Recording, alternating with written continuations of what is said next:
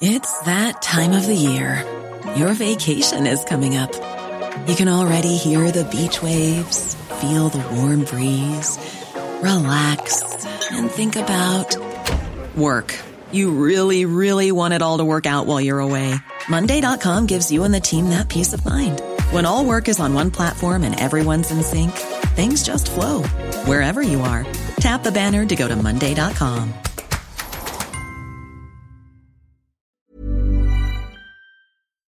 heute steigen wir tatsächlich in die erste Liga auf. Das glaubt ja kein Mensch! Und ab geht's! Då säger vi varmt välkomna till ett nytt avsnitt av Stamplats. Podden som pratar, diskuterar, biter och eh, på något vis analyserar den tyska fotbollen. Eller hur Filip? Och älskar den tyska fotbollen, tror jag du skulle säga. Ja, det, det, den, den lilla aspekten är väldigt viktig också. Det tycker jag. Ja, jag tycker det är precis det vi gör. Det är det vi gör och det har hänt återigen väldigt mycket på den tyska fronten. Och det är ju jäkligt roligt. Eh, både, både roliga saker men även tråkiga saker har skett. Eh, ska vi helt enkelt börja i det, i det tråkiga? Och det är ju att Urs Fischer har lämnat Union Berlin. De har mm. likt Mainz med Bo Svensson kommit överens om att nu är det tyvärr eh, dags att, att Eh, slänga in handduken. Och Fischer kände att han, han inte hade det längre för att vända på det hela. Och, och det kom ju lite som en chock för många trodde ändå att han skulle ta det här landslagsuppehållet för att samla kraft och sen vinna kanske mot Augsburg och börja det här på nytt. Men eh, det ville sig inte. Hur tog du det hela? Alltså, jag tycker det såklart är jättetråkigt att han försvinner med tanke på att det är ju mycket tack vare honom att man har tagit sig så långt som man har gjort. Har kommit ut nu och spelar Champions League-fotboll liksom från att för bara några år sedan ha härjat i Zweite Liga utan att det har funnits några utsikter egentligen till att kunna ta de här stegen som man har gjort på så kort tid.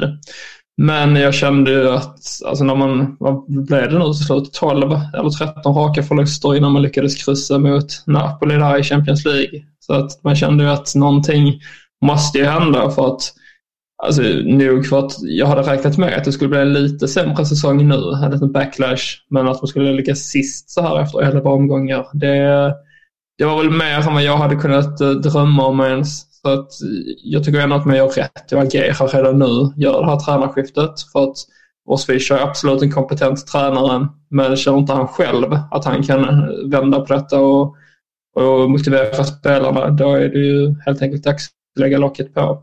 Så att tråkigt givetvis, men samtidigt så tror jag att det var den bästa lösningen sett till situationen man hamnat i. Ja, och precis som du är inne på det, det, det är jag hade ju självfallet gärna velat se kvar Osfischer precis som du. Men eh, som du är inne på där att hade vi sagt nu att han stannade kvar och läget inte hade blivit bättre och sen gör man sig av, eller rättare sagt Osfischer går i vår istället och laget ligger där nere. Så ligger man ju en betydligt mindre attraktiv plats för då de här lite attraktivare tränare, tränarna. För att nu sitter ju ändå Union, ja, de är sist i Bundesliga sjukt nog, men det är inte alls på någon sån här omöjlig position där man inte ska kunna ta ikapp de som är framför, för man har ju en bättre trupp än de flesta lagen framför dem. Eh, de flesta, eh, nästintill alla förutom topplagen då. Och eh, då kanske man kan dra dit en vad vet jag nu, nu spekuleras det om Oliver Glasner som är fri. Eh, man byter ut en schweizare mot en österrikare. Det snackas också om Ralf Hasenhüttel. Det pratas också lite, lite smått om Bo Svensson. Det har jag väldigt svårt att se att det skulle ske nu. Även Steffen Baumgart snackas det om som fortfarande tränar FC Köln. Ehm, så det, det är ju ändå tränare med högt anseende i Tyskland som det pratas om och Union är ju fortfarande en extremt intressant klubb att träna. De, de har ju fortfarande Champions League-match. De har fortfarande en teoretisk chans att ta en Europa League-plats till, till våren. Jag tänker då genom CL-gruppen. Och ja, det finns mycket att ta i där. Det finns mycket sparkapital minst sagt. Så mm, nej, äh, jäkligt tråkigt men äh, det är som du säger där. Det är, det är kanske helt enkelt, det var kanske helt enkelt rätt. Men den här resan, det här var ju en, en otroligt sagolik resa vi fick uppleva nu de senaste fem åren. Och Union som klubb, jag tror de hade 26 000 medlemmar när Urs Fischer tog över. När de spelade i Schweiz och nu har de över 60 000 och klubben mm. har ju satsat nu på att bygga arenan ännu, alltså ännu stabilare och starkare. Och, ja, det, det här är ju verkligen en sån här period i klubbens historia, en milstolpe som kommer vara för evigt och ingen kommer glömma bort det. Nej men absolut, så är det ju. Och jag tycker, alltså det märker man ju också att det finns ju inte ett ont öga gentemot Fischer, varken från fansen, spelare eller klubben, utan de hyllar ju honom till skyarna. Trots att man nu väljer att gå skilda vägar från honom och att man ligger sist i tabellen. Det säger ju så himla mycket om vad han har betytt för föreningen. Ja, jag är helt säker på att det kommer bli lite samma sak som det blev när Bo Svensson lämnade Mainz. Att skulle man vinna nästa match efter uppehållet så kommer den segern nog förmodligen tillägnas åt eh, Urs Fischer. Och han kommer alltid vara välkommen tillbaka till stadion under allt den första raj. Mm. Men ja, vi får väl se. Alltså, säsongen går ju verkligen att fjädra upp. Det är väl ungefär 70 poäng kvar att spela om. Som du säger så hoppet om Europa lever ju fortfarande. Får man då in en tränare som kan ingjuta lite mod i spelarna och få det hela att fungera så, så ser jag absolut att man kan avsluta eh, gruppspelet på ett hyfsat vis åtminstone och kanske då knipa tredjeplatsen. Och sen påbörja då klättringen i tabellen. Kan det bli tufft att nå en, eh, en Europaplats. Att man ligger 13 poäng bakom Hoffenheim som ligger på sjätteplatsen där till Conference League. Men eh, vi har väl sett större bedrifter i fotbollsvärlden tidigare så att jag skulle inte bli alltför förvånad om vi får se ett Union som kommer gå väldigt, väldigt starkt här främst under våren. Mm. Ja, det är inte omöjligt. Vi får helt enkelt se. Nu, nu, har de dock ett tufft schema. Augsburg är kanske lite lättare nu till en början, men sen väntar typ ju bland annat Bayern München och så och sen kommer ju vinteruppehållet så vi får se hur det går för Union. De ändrade ju sitt användarnamn nu Eh, den här veckan till Danke Ås mm. Coffee. Det tycker jag ändå är eh, väldigt liten detalj självklart i sammanhanget. Men det, det, det, ja, det finns ändå något där tycker jag. Det säger någonting i alla fall om hur man, eh, hur man ser på sin gamla tränare numera. Mm. Men alltså att det inte har snackats någonting om Hansi Flick. Jag är så besviken. Alltså, det har jag sagt tidigt. Det är säkert en månad sedan jag kläckte den idén att han skulle mm. ta över Union. Jag tror verkligen att han är så impopulär just nu i Tyskland. Um, Amen. Det, alltså det, med tanke på hur snacket var, alltså, det, det var lite Jan Andersson-stämpel över Hansi Flick i Tyskland. Med hans... Mm. Alltså han följer direkt in i samma grop som Jogi Löw. Förnekelse, um, gjorde saker som inte riktigt hade någon, uh, någon logisk verkan. Alltså det var, nej. Och där, där känner jag bara, det, det är kanske, ja, Hansi, han har bränt nog många broar nu tyvärr. Samtidigt är ju i grund och botten en kompetent tränare skulle jag säga. Ja, definitivt. Men, men känns lite Jürgen Klinsmann över honom. Mm. Kort tid vid, vid rodret och så får han, och så blir han utkastad på det viset. Mm. Nej, jag gillar det inte. Nej, men vi får se, han kanske tar över typ Australiens landslag om två år eller något. Ja, vem vet, kanske. Jag, jag, jag har ju alltid trott mycket om Hansi, men jag blev väldigt, väldigt förvånad över hans tid nu i Tyskland. Ehm, det, mm. nej, det, han kändes ju som frälsare när han tog över. Exakt, exakt. Ehm, men det, det sket sig rejält där. Ehm, vi kommer att prata lite kort om Tysklands landslag eh, senare, men eh, innan dess tänker jag att vi tar upp en het svensk nyhet och det är ju att Emil Forsberg är enligt Bild och även Kicker nu, de kom lite senare, um, ja, i princip klar för Red Bull New York, alltså systerklubben till Rasenballsport Leipzig. Om ett, om ett helt missminner mig, ett fyraårskontrakt nästan. Mer än tre år i alla fall. Och eh, får bättre betalt i, i New York-klubben än i Leipzig. Och kommer bli den stora stjärnan där. Och eh, jag hörde från en en vän som jobbar nära klubben eh, Leipzig eh, via bild då.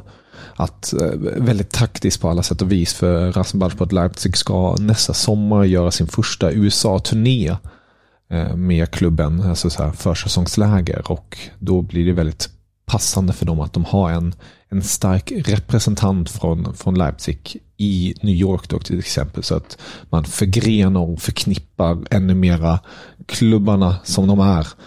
Så nej, eh, eh, hur tog du emot den här nyheten? Lite som Mors Fischer får jag nog säga att lite eh, förvånad samtidigt som jag ändå såg det logiska i det. Alltså det har ju eller, man kan ju verkligen inte sticka under stolen med att, eller med att Forsberg har ju tappat status i Leipzig med åren. Alltså när han gick dit så var han ju superstjärnan. Då spelade de i Schweiz. Han var ju en stark bidragande faktor till, till steget upp till Bundesliga. Och så tror jag vi alla minns hans första säsong i Bundesliga där han var så fantastiskt bra och slog uh, assistpoängrekordet i ligan. Och det snackades ju om att alla större klubbar i princip var intresserade av honom. Men så blev han kvar i Leipzig och sen hade han lite otur med skador. Och sen har det varit väldigt mycket uh, sitta på bänken i de viktigare matcherna, vara rotationsspelare. Han har kunnat göra det hyfsat men haft mycket otur med skador också. Så att han har ju tappat mark där. Och nu den här säsongen har han inte alls stått högt i kurs känns det som. Och det har pratats om att han skulle vara på väg bort samtidigt som det har hetat att ett, eh, kontrakt, en kontraktsförlängning har varit på gång.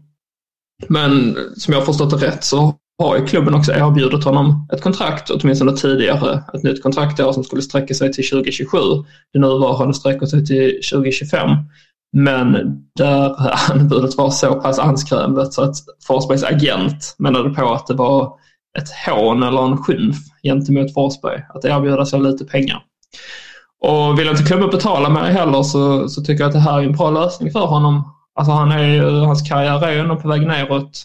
Visserligen är han inte mer än 32 år gammal men det, här tåget med att gå till någon större klubb i Leipzig det har ju förmodligen passerat för i alla fall några år sedan. Så att det känns väl ändå nu som att få flytta till New York, bo där lite, jag vet inte vad tanken är då om han ska vara där hela kontraktet. Det var väl ganska långt kontrakt han skulle få där. Tre plus ett år eller någonting. Och sen kanske avsluta då i Malmö eller Sundsvall som man tidigare har pratat om. Eh, I så fall så har jag nog fått en eh, hyfsad karriär. Men jag hade väl ändå kanske trott någonting mer om honom i det långa loppet. Alltså att han skulle ha tagit steget till Milan eventuellt då för några år sedan när det var som hetast. Eh, sen tycker jag ändå det är fint att han då har varit kvar i samma klubb. Det är han nu i, i vad blir det, åtta, nio år han har varit i Leipzig. Gjort över 300 matcher för klubben.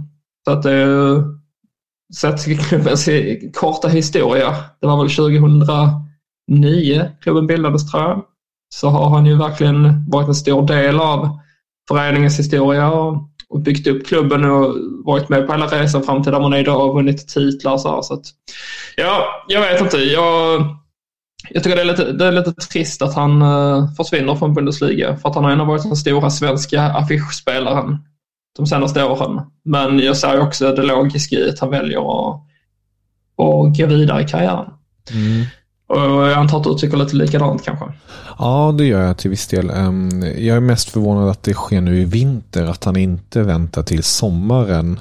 Med tanke på att RB Leipzig tycker jag ändå, alltså de har en, nu kommer de inte vinna ligan och de kommer inte vinna Champions League, men och de kommer inte vinna kuppen. Alltså, det, det, det är inga större titlar de kommer vinna så, men det är ändå, jag tror de kommer kunna göra bra ifrån sig ute i Europa. De kan eh, gå lite längre i Champions eh, och de eh, kommer ju göra fina matcher under våren och han kommer vara en fortfarande en viktig del. Precis som du sa, där, hans, hans spelarstatus har ju gått ner på grund av konkurrensen men hans, hans status i omklädningsrummet och hos fansen är ju fortfarande väldigt stor. Så jag är lite förvånad, men han kanske tänkte att det var cleant. Han kom ju i januari ehm, um, 2015 och han sticker januari 2024. Så det blir ju mm. en, en sån här clean cut helt enkelt. Och jag tror de, de som är mest ledsna över det här, det måste vara Malmö-fansen. För eh, vi säger nu fyra år ja. i New York Red Bull. Eh, så jag, jag, tror inte det kommer bli Malmö efter det. Eh, då tror jag, då är han nästintill för gammal. Om inte, ja vad vet jag nu, över hans fysik då. Men då tror jag mer på Sundsvall. Han har ju ett hus där och alltihopa så då blir det ju nedvarvning där istället. Precis. Nej, hade han fullföljt kontraktet hos Leipzig två år till och sen gått hem till Malmö så hade det känts ganska logiskt. Men vi får ju se i New York också. Det är ju inte säkert att han fullföljer kontraktet där.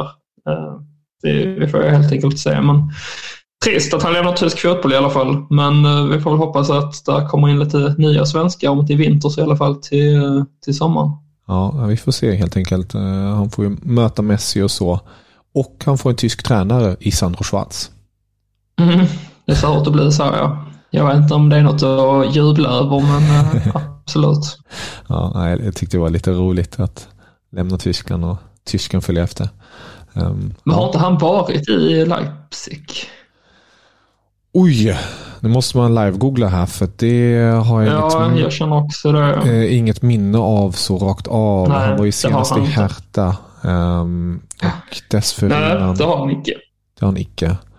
Gud, vad var han innan? Så det var jag som fick för mig någonting där. Ja, just det. Dynamo Moskva var han ju en, en, en kort sväng eh, och Mainz innan dess. Så var det. Ja. Ja.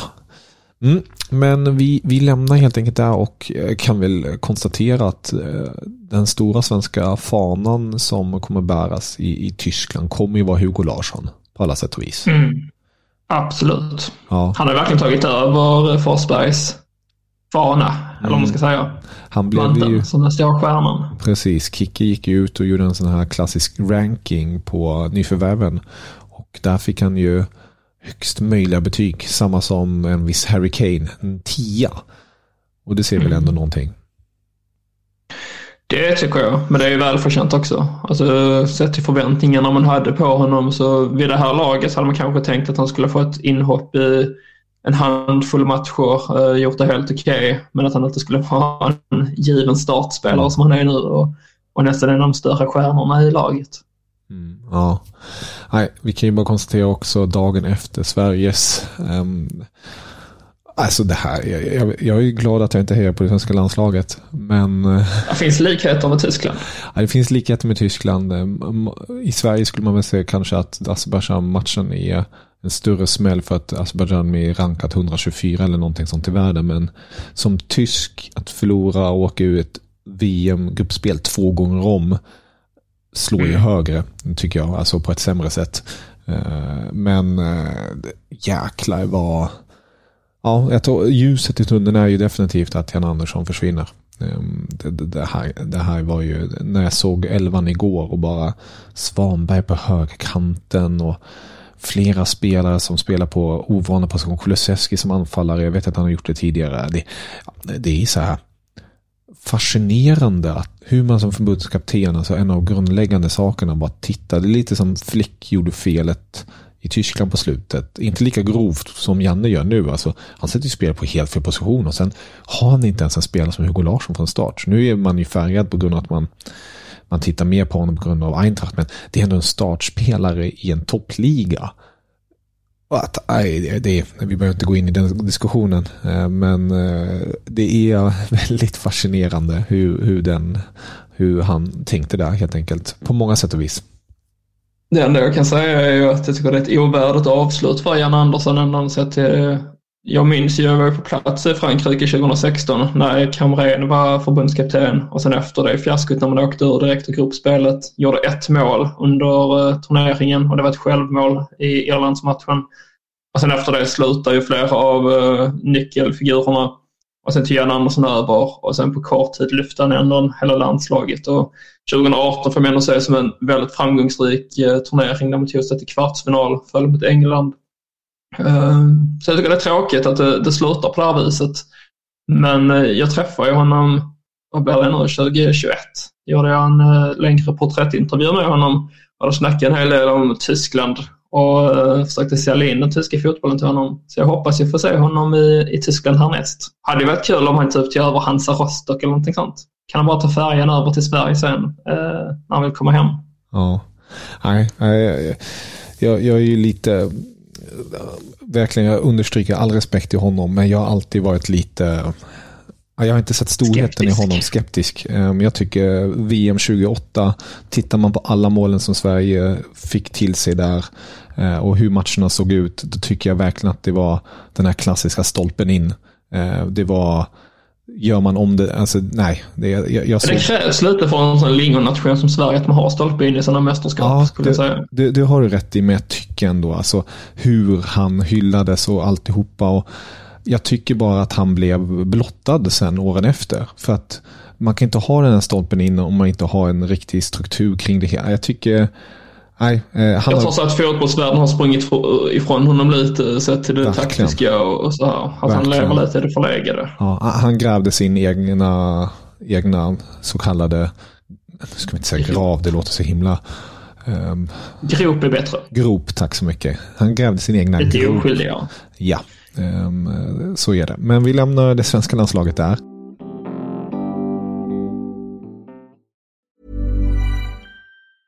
It's that time of the year. Your vacation is coming up. You can already hear the beach waves, feel the warm breeze, relax, and think about work. You really, really want it all to work out while you're away. Monday.com gives you and the team that peace of mind. When all work is on one platform and everyone's in sync, things just flow wherever you are. Tap the banner to go to Monday.com. Millions of people have lost weight with personalized plans from Noom, like Evan, who can't stand salads and still lost 50 pounds. Salads, generally, for most people, are the easy button, right? For me, that wasn't an option. I never really was a salad guy. That's just not who I am. But Noom worked for me. Get your personalized plan today at Noom.com. Real Noom user compensated to provide their story. In four weeks, the typical Noom user can expect to lose one to two pounds per week. Individual results may vary.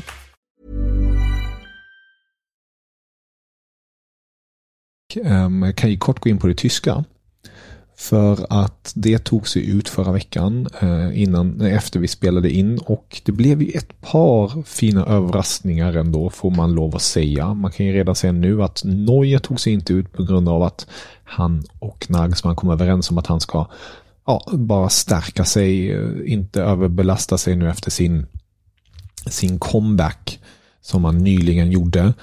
Eh, Musiala också, heller inte uttagen på grund av en skada.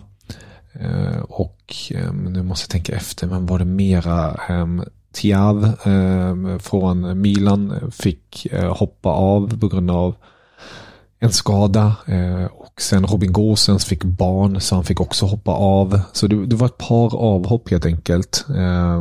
men det blev ju bland annat två stora överraskningar. Och det var i Janis Blasvic, den 32-åriga RB-målvakten och Marvin Dutsch, Niklas Fyllkroks gode vän från Bremen.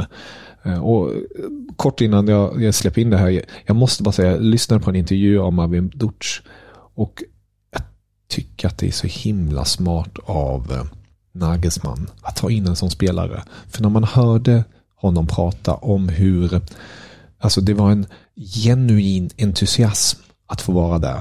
Att få träna, att få slita, att få verkligen visa upp sig. Den genuiniteten att bära tröjan, att, att, det, att det är en så kallad ära. Det är ju det som har saknats så himla länge. Lite som i svenska landslaget, att man, man har trampat på med samma spelare och för dem är det som en vardagsmat helt enkelt. Det är, det är lite uttorkad pyttipanna och inget mer än det. Ehm, det här, det, det gillade jag verkligen att höra med Dutch. Nu tror jag inte Dutch kommer bli någon EM-spelare i längden, kanske, vem vet, en backup. Ehm, men eh, nej, jag, jag glädjes, glädjes över, över det hela. Vad, vad är dina tankar? Ja, jag tycker han ska vara tacksam för att han har egentligen ingenting i landslaget att göra. Nej, det är väl kanske lite rått, men eh, om man ska vara helt ärlig så, så är han ju mest landslaget för att det saknas bättre alternativ just nu det, det, är ingen hemlighet att det har varit ett problem vem som ska vara längst fram som spjutspets. Jag menar, Timo Werner kände sig för några år sedan som att han skulle vara det självklara valet, liksom den nya Miroslav Klose. Men uh, han är ju helt under isen just nu och det snackas ju om att ett klubbbyte är aktuellt i vinter för att han ska lyckas hitta rätt och eventuellt kunna slåss om en EM-plats. Uh, jag tycker alltid det är kul när man får se nya spelare och spelare man inte hade förväntat sig för att vara med i landslaget. Eh, och där hade pratats innan lite om då HSVs Robert Glatzel, att han eventuellt skulle kunna vara med i tankarna där. För det känns ju lite som att hade han, hade Glatzel och HSV spelat i Bundesliga så hade det nog kunnat bli han istället. Så det är väl på den nivån lite. Och jag tror att hade Simon Terrade varit ett par år yngre och haft den målformen han brukar ha i Schweiz så hade han kanske också varit aktuell. Men eh, nu är det Dux istället som får chansen. 29 bast gammal, snart 30. Så att eh, för, för vara det tyska landslaget så känner jag väl att spelare som Duch, men det var samma sak med Füllkrug för ett år sedan, att de egentligen då inte ska vara i landslaget. Men sen nu är ju Füllkrug helt plötsligt det bästa alternativet, typ som uh, renodlad anfallare. Så att det går fort just nu det tyska landslaget om man vill ha en plats. Det, det, vad anfallare gör hyfsat med mål så är din plats säkrad. Mm, nej, det, det, har du fullständigt rätt i där. Det, det finns ju en brist där som bara den. Men jag tycker jag lyssnade på en podcast med Mattias Sammer och just det här med hur man bygger en trupp. Och ska sägas nu, till EM får det bara vara 23 spelare igen, som det var förr i tiden. Inte 26 som det var under senaste VM och EM på grund av covid. Nu är det bara 23 så det blir ännu tajtare för, för Nagelsmann att ta ut laget och svårare för spelarna att ta sig in helt enkelt. Men det som jag tycker är viktigt på något sätt är ju att det finns ju olika roller i ett lag. Det, det här är ju ingen rocket science, det är väldigt logiskt. Men att man har så kallade individualister. Man har eh, så kallade lagspelare och eh, ditten och datten. Och det är väl också en av problematikerna som har funnits i tyska landslag att det har funnits alldeles för många så kallade individualister och stjärnor som ska ha den här stjärnglansen. Och att få in spelare som en Niklas Fyllkrok, en eh, Pascal Gros, sådana lirare och Jonas Hoffman är också en sån. Det är så jäkla nyttigt för det här landslaget. Så att inte alla är en Sané, alla är en Gnabry och så som, som vill ha bollen, som vill ha uppmärksamheten och som vill ha medvind helt enkelt. Ehm, för att det är de andra som ändå sätter de här så kallade individualisterna i lägena så att de kan göra sin grej så att de vinner matcherna. Så nej, väldigt spännande att följa eh, Nagelsmans landslag. Det är ju betydligt gladare miner nu, men eh, ja, vi får se. Det, vi ska inte rista in något ännu, men eh, EM-guld måste det ju bli, annars är det ju fiasko. Du går alltid in med så höga tankar medan jag skjuter ner dig ganska friskt. Men vi får väl se. Det kanske blir ett mellanting, kvartsfinal ja, eller någonting. Då, då är det en besvikelse. Ett fiasko. Kan jag även nämna att Grisha Prömmel också blivit uttagen mm. för första gången. Central mittfältare från Hoffenheim. Precis. Eh, så han kommer väl eventuellt få testas nu här i den här Tyskland ställs mot Turkiet och sen Österrike. Först på lördag mot Turkiet och sen tisdag mot Österrike. Så det blir väl årets två sista landskamper. Stämmer bra det. Det är Felix Nemcha som fick kliva av på grund av skada. Så fick Prömmel chansen helt enkelt i landslaget också han. Um, en liten rolig notering kan man ju säga är under det här landslagsuppehållet den här veckan har ju EM-bollen presenterats. Och eh, det, det, är ju lite laddat får man inte säga att en Manuel Neuer var på plats när den presenterades och han höll i den och pratade om EM och alltihopa. Och vi vet ju alla om kampen nu mellan Terstegen och Manuel Neuer om nummer ett positionen så nej, nu, nu har den börjat på riktigt. Men jag tycker ändå om det här nu att Nagelsmann och Neuer har haft kontakt med varandra. För att vi har ju tidigare varit inne på det att deras relation är inte den bästa. Och det är så lätt då att man som förbundskapten med ett litet Eh, lite sur på några då kanske bara skiter i att höra av sig överhuvudtaget och tänker att, att uh, nu ska jag ge igen typ. Men där känns ju ändå Nagelsmann ganska mogen. Och det är samma hans sorti för Bayern München. Att han låg eh, lågt, uttalade sig knappt, inget ens ett ont ord om Bayern så vidare och spelade sina kort rätt. Så att, man kan säga mycket om Nagelsmann. Det är många som menar på att han uh, att han känns lite här kaxig och arrogant. Men jag tycker ju nästan tvärtom att han känns väldigt sympatisk och, och genomgod som människa. Även om han säkert har sina lik i garderoben också. En sak i alla fall, han är smart. Han är inte dum. Ja, det är han. En riktig sån, jag kan inte säga framför mig vilken roll han hade i skolan. En riktig ja, plugghäst. Och, och reflekterande och tänkte efter. Och, nej, det, mm. Det, det känns jäkligt spännande allt det här eh, med landslaget och det kommer vi självfallet prata mer om nästa vecka när Tyskland har spelat ett par matcher. Eh, avslutningsvis eh, de matcherna som spelades förra omgången i Bundesliga. Snacket förutom då självklart Union Som förlorat mot Bayer Leverkusen. Leverkusens makalösa form framåt eh, behöver vi inte prata om igen. Men det, snacket mycket just nu, i alla fall det som jag får upp eh, från, från Tyskland är ju Dortmund och eh, deras insats mot Stuttgart som var det var en journalist där som har följt eh, Dortmund, jag tror i över 30 år. Och han sa att den första halvleken mot Stuttgart var den sämsta han har sett någonsin i klubbens historia. Um, och nu, nu kan jag inte säga att jag har följt Dortmund. eh, man markerat dem sedan 30 år tillbaka. Så jag tycker ändå att det uttalandet säger en hel del om det, den, den, den matchen helt enkelt. Och också situationen i Dortmund på alla sätt och vis. Vi har ju hyllat dem en vecka och sen har vi kritiserat dem en annan vecka. Men eh, det, det, det luktar ju ruttet helt enkelt i Dortmund på ett sätt. Ehm, det, det är hela tiden någonting som är där illa och är man krass, alltså jag skulle inte förvåna mig om de faktiskt inte lyckades ta en, ta en C-plats den här säsongen. Om det fortsätter på det här spåret, trots att de inte har förlorat så många matcher. Men det, det, det är verkligen, nej, det är någonting som inte stämmer. Ja, men jag har ju varit inne på det flera gånger och tycker att, uh, att jag har känt att de har haft lite flyt med sig i många matcher. Alltså om vi kollar på deras säsongsinledning så slår de i Köln med 1-0 uh, eh, i premiäromgången. Och, och det målet kom liksom på övertid. Man lyckades få in bollen där och sen kryssar man mot, mot Bochum och Heidenheim. Lite klara seger mot Freiburg. Men sen så 1-0 mot Wolfsburg, 1-0 mot Werder Bremen. Spelar 3-3 mot Frankfurt.